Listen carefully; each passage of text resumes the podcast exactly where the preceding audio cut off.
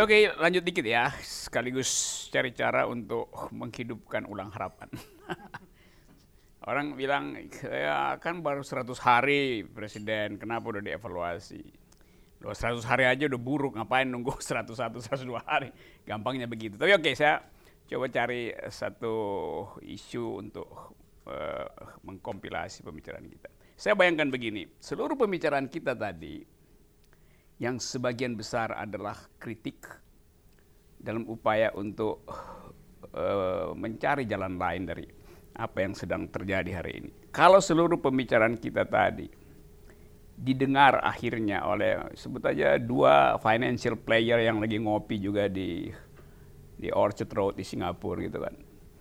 Dia mulai analisa bahwa ya memang faktual begitu Terus dia bilang, gimana kalau kita mainkan sedikit uh, kurs gitu. Karena soal hot money cuma soal gitu. Dia bilang, oke, okay, call Perancis, temennya ada di satu, ada di di uh, New York. Lalu hanya karena keinginan untuk judi di dalam financial market ini, tiba-tiba terjadi keadaan uh, di kayak dalam 20 menit misalnya pindahin sebentar tuh capital yang masuk di sini. Karena pekerjaan dua orang iseng aja tuh. Ya memang kuasai data kan. Karena dia lebih mudah melihat lalu lintas uang di Indonesia. Dia tahu berapa kuat sih BI mau intervensi itu. Hmm. Karena faktor-faktor tadi membuat uh, bangsa ini dengan mudah dimainkan itu. Dia tahu bocornya anggaran, dia tahu hmm. komplikasi di dalam kabinet, dia baca semua media kita, dia lihat semua talk show kita. Hmm Nah bagian itu yang nggak mungkin diucapkan secara terbalik oleh PR pemerintah. Enggak, kita baik-baik aja kita lu satu mata dunia tahu dan dan mampu untuk mempermainkan itu sama seperti 98. Hmm. Nah, lebih bahaya lagi buffer itu nggak ada. Dulu kita bilang ya UKM bisa jadi uh, tempat uh, suaka pertama. Sekarang misalnya UKM mau main uh, mau dagang lewat uh, apa namanya perdagangan elektronik disuruh mendaftar dulu tuh. Udah bagaimana uh, eh, UKM itu yang seharusnya inisiatif rakyat biasa untuk cepat-cepat dapat uang, suruh ikutin birokrasi, daftar sebagai perusahaan legal dulu kan. Jadi soal-soal beginian ada ada kondisi politik yang decaying, membusuk, memburuk tadi. Karena semua orang ingin uh, ambil gain secepat-cepatnya di akhir pemerintahan Jokowi ini ada situasi dunia yang kondusif untuk menghasilkan social unrest. Contagious effect dari 30 negara di dunia itu bisa tiba-tiba masuk ke Indonesia. Dan ada spekulan, the short termist, para pemain jangka pendek, yang siap-siap untuk ambil gain dari ke, ke, kekacauan sedikit di Indonesia. Itu yang mesti kita bayangkan ke depan. Faisal. Uh, mungkin sederhananya begini kalau analoginya dengan atlet. Maria Sarapova, mm -hmm atlet cantik, keren gitu, berprestasi, tapi ternyata berprestasinya karena doping. Hmm. Hilang dia dari permukaan. Di Australia terbuka dia di babak pertama udah udah kalah begitu ya. Nah, Indonesia ini mirip seperti itu. Yeah. Jadi kita ingin prestasi hebat tapi amunisi kurang. Jadi spending uh, meningkat, penerimaan negara turun terus trennya. Bukan penerimaan negara secara magnitud, tapi tax ratio-nya turun terus. Jadi kemampuan kita membiayai diri sendiri berkurang. Sementara keinginan banyak. Nah oleh karena itu uh, ingin lari cepat terpaksa pakai doping. Dopingnya adalah kekuatan negara lain. Uang masuk tadi. Dengan cara uh, membuka pasar untuk keluar. Nah, uh, yang hot money pun tidak datang. Bayangkan.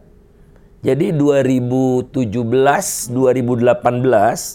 itu asing itu di pasar saham itu net sell lebih banyak menjual daripada membeli. Gitu. Hmm, Jadi yang Mbak Ani katakan hot money itu itu pun tidak datang, hmm. makin tidak datang.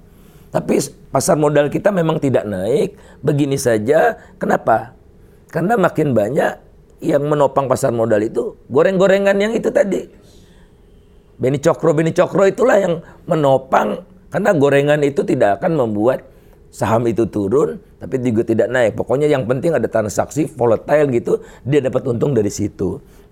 Kemudian yang kedua, eh, utang pemerintah itu, Mbak Ani juga udah katakan tadi, tiga kalau global bonds, cadangan devisa kita naik yang membuat rupiah naik itu bukan karena kita mengekspor lebih banyak dari mengimpor bukan, tapi karena pemerintah berutang terus, keluarkan sukuk global, sun global dalam denominasi asing itu hampir semua asing yang pegang.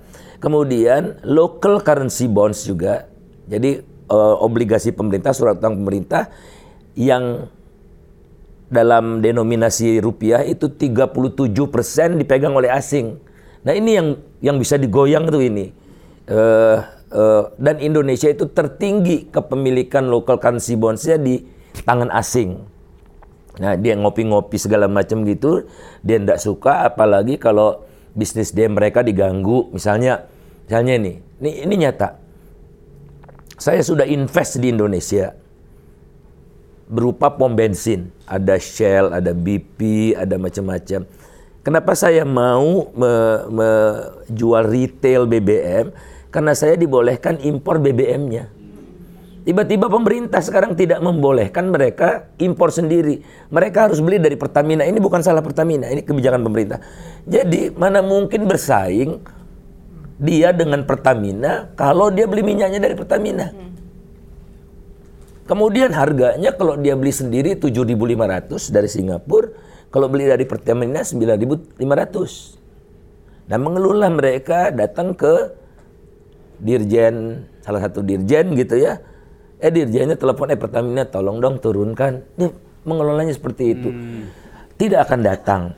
Kedua investor tidak akan datang kalau terjadi diskriminasi luar biasa terhadap uh, bisnis ini. Jadi misalnya ngasih sinyalnya pemerintah begini ini nggak ada urusannya tidak ada urusannya dengan omnibus law. Kita ingin investor asing masuk. Ya. Tapi pada saat yang sama kita keluarkan uang 5 miliar dolar lebih untuk membeli Freeport. Katanya kita attract investor, tapi kita justru investor kita ambil alih, negara yang ngambil. Holcim dibeli oleh semen Indonesia. Karena dia kan nggak ngerasa nyaman kan di Indonesia, makanya dia jual saja. Kemudian Blok Mahakam itu tidak boleh diperpanjang ke total Perancis, tapi diambil alih Pertamina. Terakhir Rokan. Kalau betul-betul Indonesia mau mau mau mau investasi langsung, ya Pertamina ya cari ladang minyak lain bukan muntahan. Nah, jadi sinyalnya seperti ini yang yang repot. Lantas uh, saya ahli tambang. Misalnya saya ahli tambang nikel atau ahli tambang pengusaha tambang. Saya tidak ahli dalam mengolah. Emang spesialisasi saya itu di bidang pertambangan, bukan industri. Nah si Freeport juga kan gitu.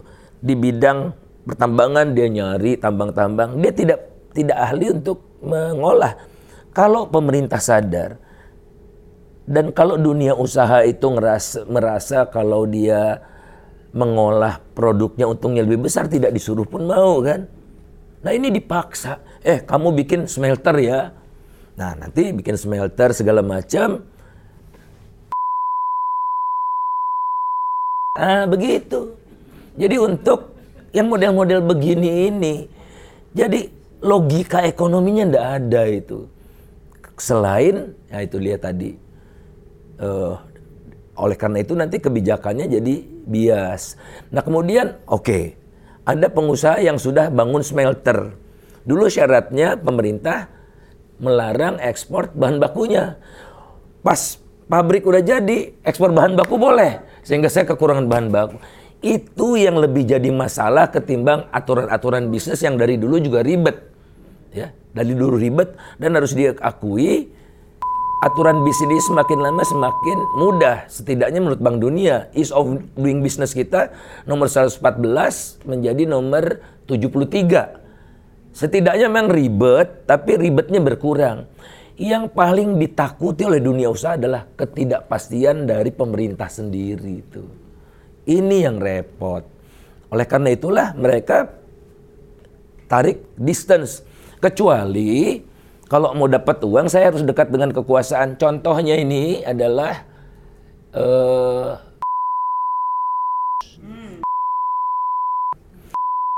punya dua pabrik biodiesel, ya. Ini bisnis dijamin tidak pernah rugi, karena kalau rugi ditalangi pemerintah. Rakyat nggak pernah tahu 1,2 triliun dari dana sawit ini. Padahal dia bayar pajak cuma 700 miliar. Jadi orang super kaya itu yang punya hotel di wah, kawasan sini nih Kuningan sini ada nih. Seluruh apa namanya ada. itu? Oh, bayar pajaknya minus 500 miliar gitu. Sementara yang UKM UKM itu, aduh, UKM itu, Bang Rocky, kalaupun dia rugi dia bayar pajak. Ditombokin pemerintah, UKM itu rugi bayar pajak karena setengah persen dari pendapatan bukan dari laba. Setengah persen dari pendapatan. Nah, oleh karena itu pengusaha pikir ngapain saya ke Indonesia gitu ya, mau dibikin omnibus segala macam, nggak ngefek karena persoalan yang mereka yakini itu adalah ketidakpastian dalam usaha itu risiko berusaha di Indonesia tinggi.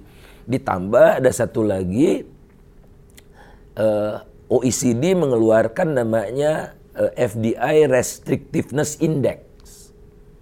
Jadi indeks yang mengukur tingkat uh, kesulitan yang dibuat oleh pemerintah terhadap FDI. Indonesia itu tertinggi tingkat restriksinya.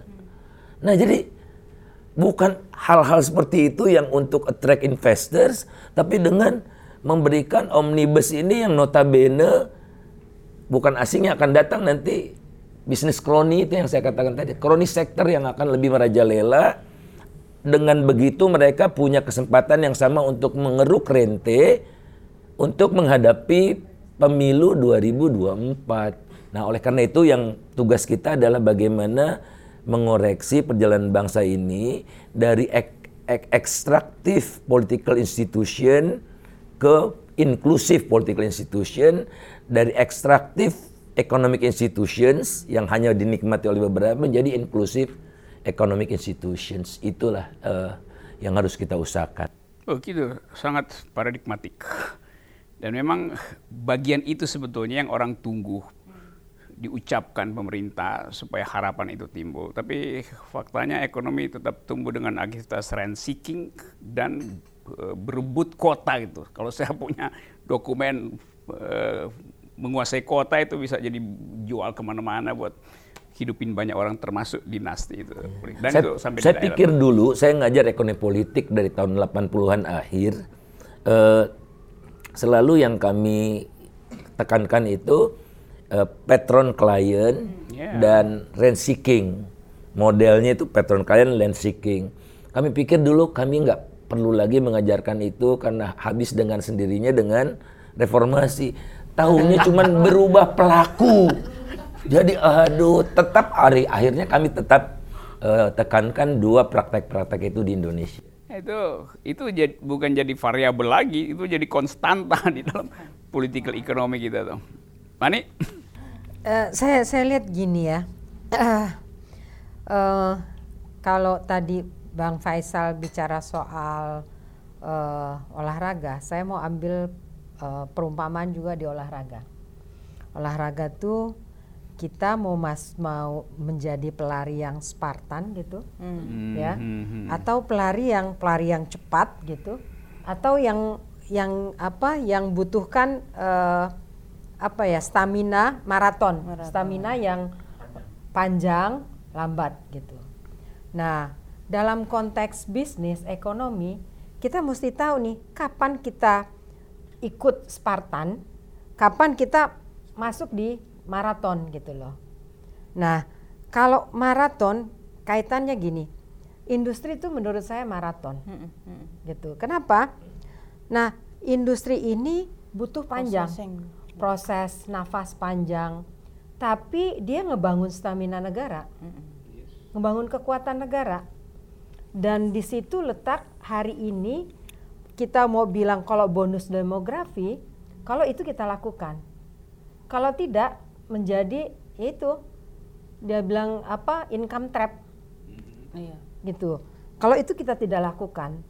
Nah, lalu untuk bisa masuk ke situ apa? Nah, kalau misalnya jangka panjang, pemerintah harus fokus industri apa yang akan dikembangkan yang cocok dengan SDM-nya, yang cocok dengan eh, apa sumber daya alamnya, begitu, atau teknologi yang kita bisa adopt, yang kita bisa pelajari. Itu juga jangan dilupakan gitu. Ini sekarang asik dengan 4.0, ke bawah arus gitu loh. Semua bicara 4.0. Coba numpang tanya apa sih 4.0? Do you know about 4.0? Konsekuensinya, ngerti nggak sih? Jangan jadi latah aja semua bicara 4.0. Konsekuensi dari 4.0 itu apa nggak paham gitu loh. Nah, sampai Pak Lurah bicara 4.0 gitu kan. Dan pakai. PowerPoint. Ah? Iya, di- semua IPM. bicara P4 4.0. Nah ini padahal nggak ada yang paham gitu. Nah Mbok ya nggak usah latah gitu. Jadi ada yang masih main di 0.4, ada juga 4.0 gitu loh. Tetap mesti ada. Itu yang pertama. Terus yang kedua, kalau kita mau Spartan, kita mau masuk di industri yang mana? Balik lagi. Yang cepat, yang ini bisa ndongkel ekonomi gitu. Yang kita juga punya, kita juga punya unggulan anak-anak muda kita yang cerdas. Kemudian peneliti-peneliti kita yang bisa melahirkan satu produk-produk inovasi yang baru, yang bagus termasuk di bidang, bidang biotek, itu banyak nggak ada di Indonesia, di luar karena nggak difasilitasi. Kemudian kalau perguruan tinggi saya kebetulan ngebimbing, ada satu mahasiswa di UI yang ngambil S3, saya bimbing inovasi.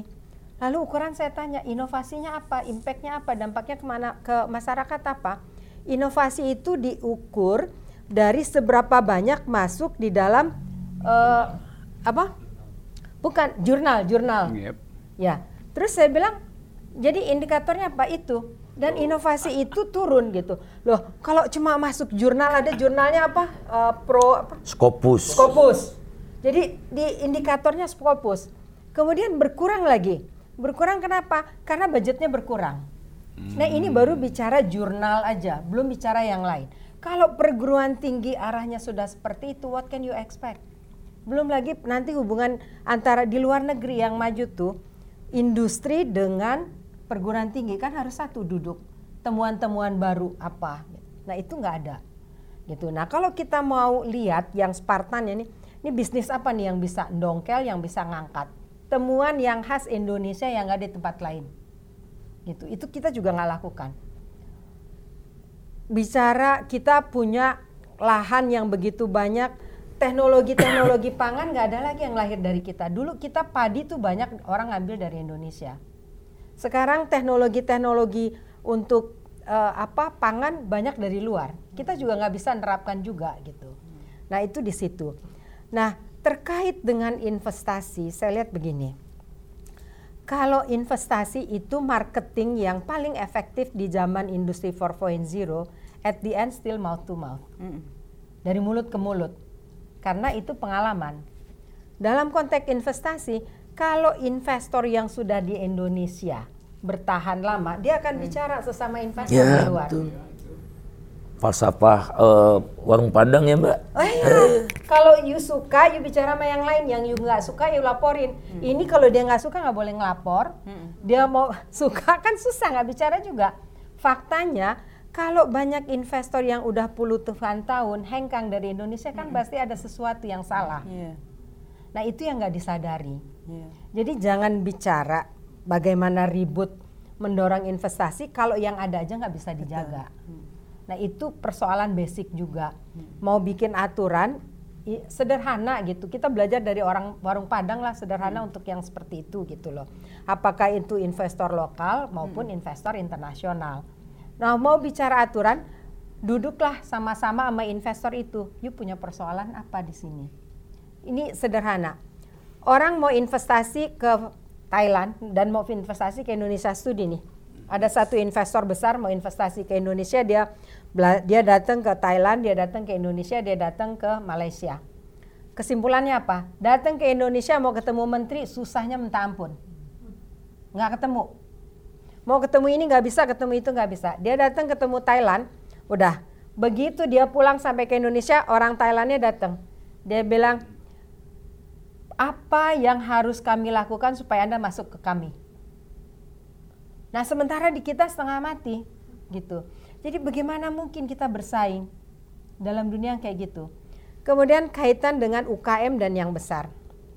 Ini saya nggak tahu industri sawit itu bikin lembaga atau badan yang semua orang disuruh setoran. Ya, 5 dolar per ton. Mending 5 dolar. Untuk cangkang sawit aja hari ini setorannya 17 dolar per ton. Uh. Numpang tanya duitnya larinya ke mana?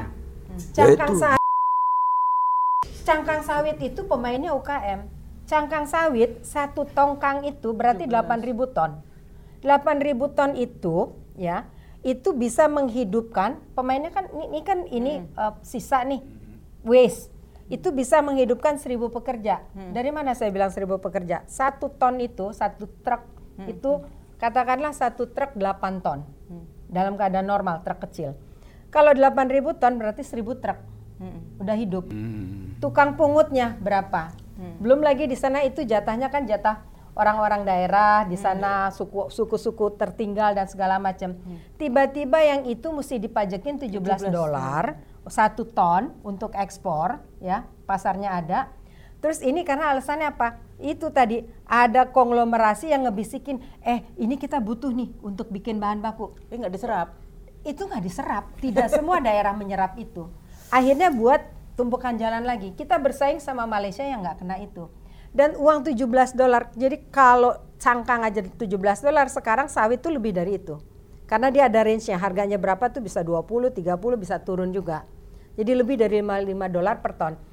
Saya mau tanya siapa yang menikmati dana sawit itu? Larinya ke mana? Apakah petani sawit dapat untuk nambah supaya varietasnya uh, produksinya sepanjang tahun, hmm. nggak seasonal. Untuk petani sawit nambah supaya lahannya lebih besar hmm. atau intensifikasi, kan nggak juga dia terima. Hmm. Ke mana itu uang triliunan? Kalau larinya cuma martua sitorus nggak adil dong, hmm. gitu loh. Ini kita nih UKM dan rakyat dan termasuk perguruan tinggi para pengamat mesti tanya itu pertanggungjawabkan itu, gitu loh. Itu dana yang dikumpulin dari pengusaha semua pengusaha termasuk pelaku-pelaku kecil termasuk petani setoran itu hmm. tapi larinya ke mana yang tadi karena udah dibawa sama sama bang Faisal jadi saya mengingatkan itu hmm. Saya ingin tambahkan soal sawit ini ya sedemikian dimanjanya mereka ini uh, mereka yang bikin biofuel iya. mereka bikin biofuel pabriknya besar-besar luar biasa sehingga kapasitas yang terpakainya cuma 35 persen kan rugi nih pengusaha si mertua dan kawan-kawan ini. Maka dikreatlah kebijakan. B30. B20, B30, bahkan B100. Luar biasa kan. Yang bisnisnya itu uh, di, dijamin tidak rugi. Nah, yang rugi siapa? Yang punya truk, cepet karatan. Karena nggak dipikirkan nih. Apa, uh, yang apa uh, quality-nya, efek negatifnya, pokoknya sekarang model pokoknya pokoknya. Dan lagi-lagi duta besar untuk mereka semua ini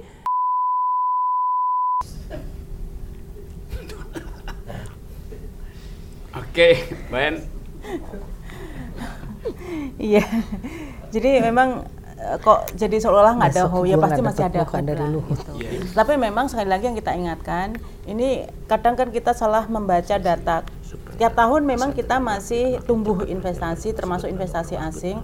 Dan kalau dibandingkan ya, ya, dengan negara-negara ASEAN, memang terbesar kita. Jadi kalaupun Vietnam uh, apa namanya tumbuh sangat cepat sekarang investasinya hampir double digit ke sana tapi secara akumulatif investasinya yang uh, nilai secara value nilai memang masih besar Indonesia itu yang sering di di apa namanya dijadikan uh, apa pencitraan oleh pemerintah gitu kan. Nah, tapi persoalannya lagi adalah shifting ini luar biasa. Jadi investasi-investasi yang dulu ini banyak masuk ke sektor-sektor pengolahan, sektor manufaktur, 2013 itu masih 55% ke manufaktur. Nah sekarang terbalik, 55 persennya semua udah ke jasa. Nah artinya apa? Artinya kan ini VOC jilid kedua aja gitu loh, eksploitasi aja dan kebanyakan jasa itu yang tumbuh sangat pesat itu logistik. Nah logistik itu kan makelar, sama aja makelar yes. gitu kan. Jadi kalau ininya asing, logistiknya dikuasai asing, lalu yang diperdagangkan ini milik siapa? Jadi nggak nggak aneh kalau uh, porsi tadi uh, impor dari Cina itu sekarang udah uh, sekitar 30 persenan. Nah, tetapi sebenarnya sekali lagi uh, kalau dari struktur dari uh, ekonomi kita ini kan 80% sebenarnya kan masih domestik. Makanya di awal tadi Bang Rocky uh, apakah ini semuanya uh, meng mengklaim semuanya melahkan global? Kalau dari porsi dat data konkretnya kita uh, kontributor utama 80% domestik mestinya ya mestinya asal well managed gitu ya, kan. asal well, well managed 80% itu nggak ada tuh urusan dengan global nggak ada urusan dengan uh, Fed nggak ada urusan dengan perang dagang Cina gitu. Kalau memang serius uh, memanage ekonomi kita uh, dengan serius gitu. Tapi problemnya ini kan sebenarnya selalu kan uh, pengusaha petani nelayan kan sebenarnya selama ini uh, lebih banyak di rezim sebelumnya juga lebih banyak yang autopilot Hmm. Tapi rezim yang sebelum-sebelumnya ini kan nggak terlalu mendestroyer mereka. Hmm. Nah sehingga walaupun autopilot uh, dan nggak dapat fasilitas yang optimal juga, mereka masih tumbuh di atas 5% uh, konsumsi rumah tangganya, gitu kan. Termasuk investasi masih tumbuh uh, sekitar di atas 6% gitu. Nah begitu sekarang tumbuhnya di bawah uh, natural kan itu. Jadi kalau nggak nggak ada fasilitasi aja sudah tumbuh uh, di atas 5% untuk konsumsi rumah tangga dan investasinya nggak ada fasilitasi juga udah tumbuh 6%. Kalau hari ini invest uh, konsumsi rumah tangga sudah mendekati di bawah 5% dan investasi bahkan kemarin triwulan 3 di bawah 5% itu berarti ada unsur destroyer, confirm dari data itu. Oke, okay, kita udah bicara banyak hal yang ada di koran maupun yang nggak ada di koran. Dan uh, makin benar apa yang dikatakan oleh Pak Jokowi bahwa ini periode terakhir dia tidak punya beban. Yang punya beban adalah kita. Dan yang akan dia bebani adalah pemimpin berikutnya. Terima kasih saya bicara panjang kritis dengan Eni yang punya banyak data sebagai researcher.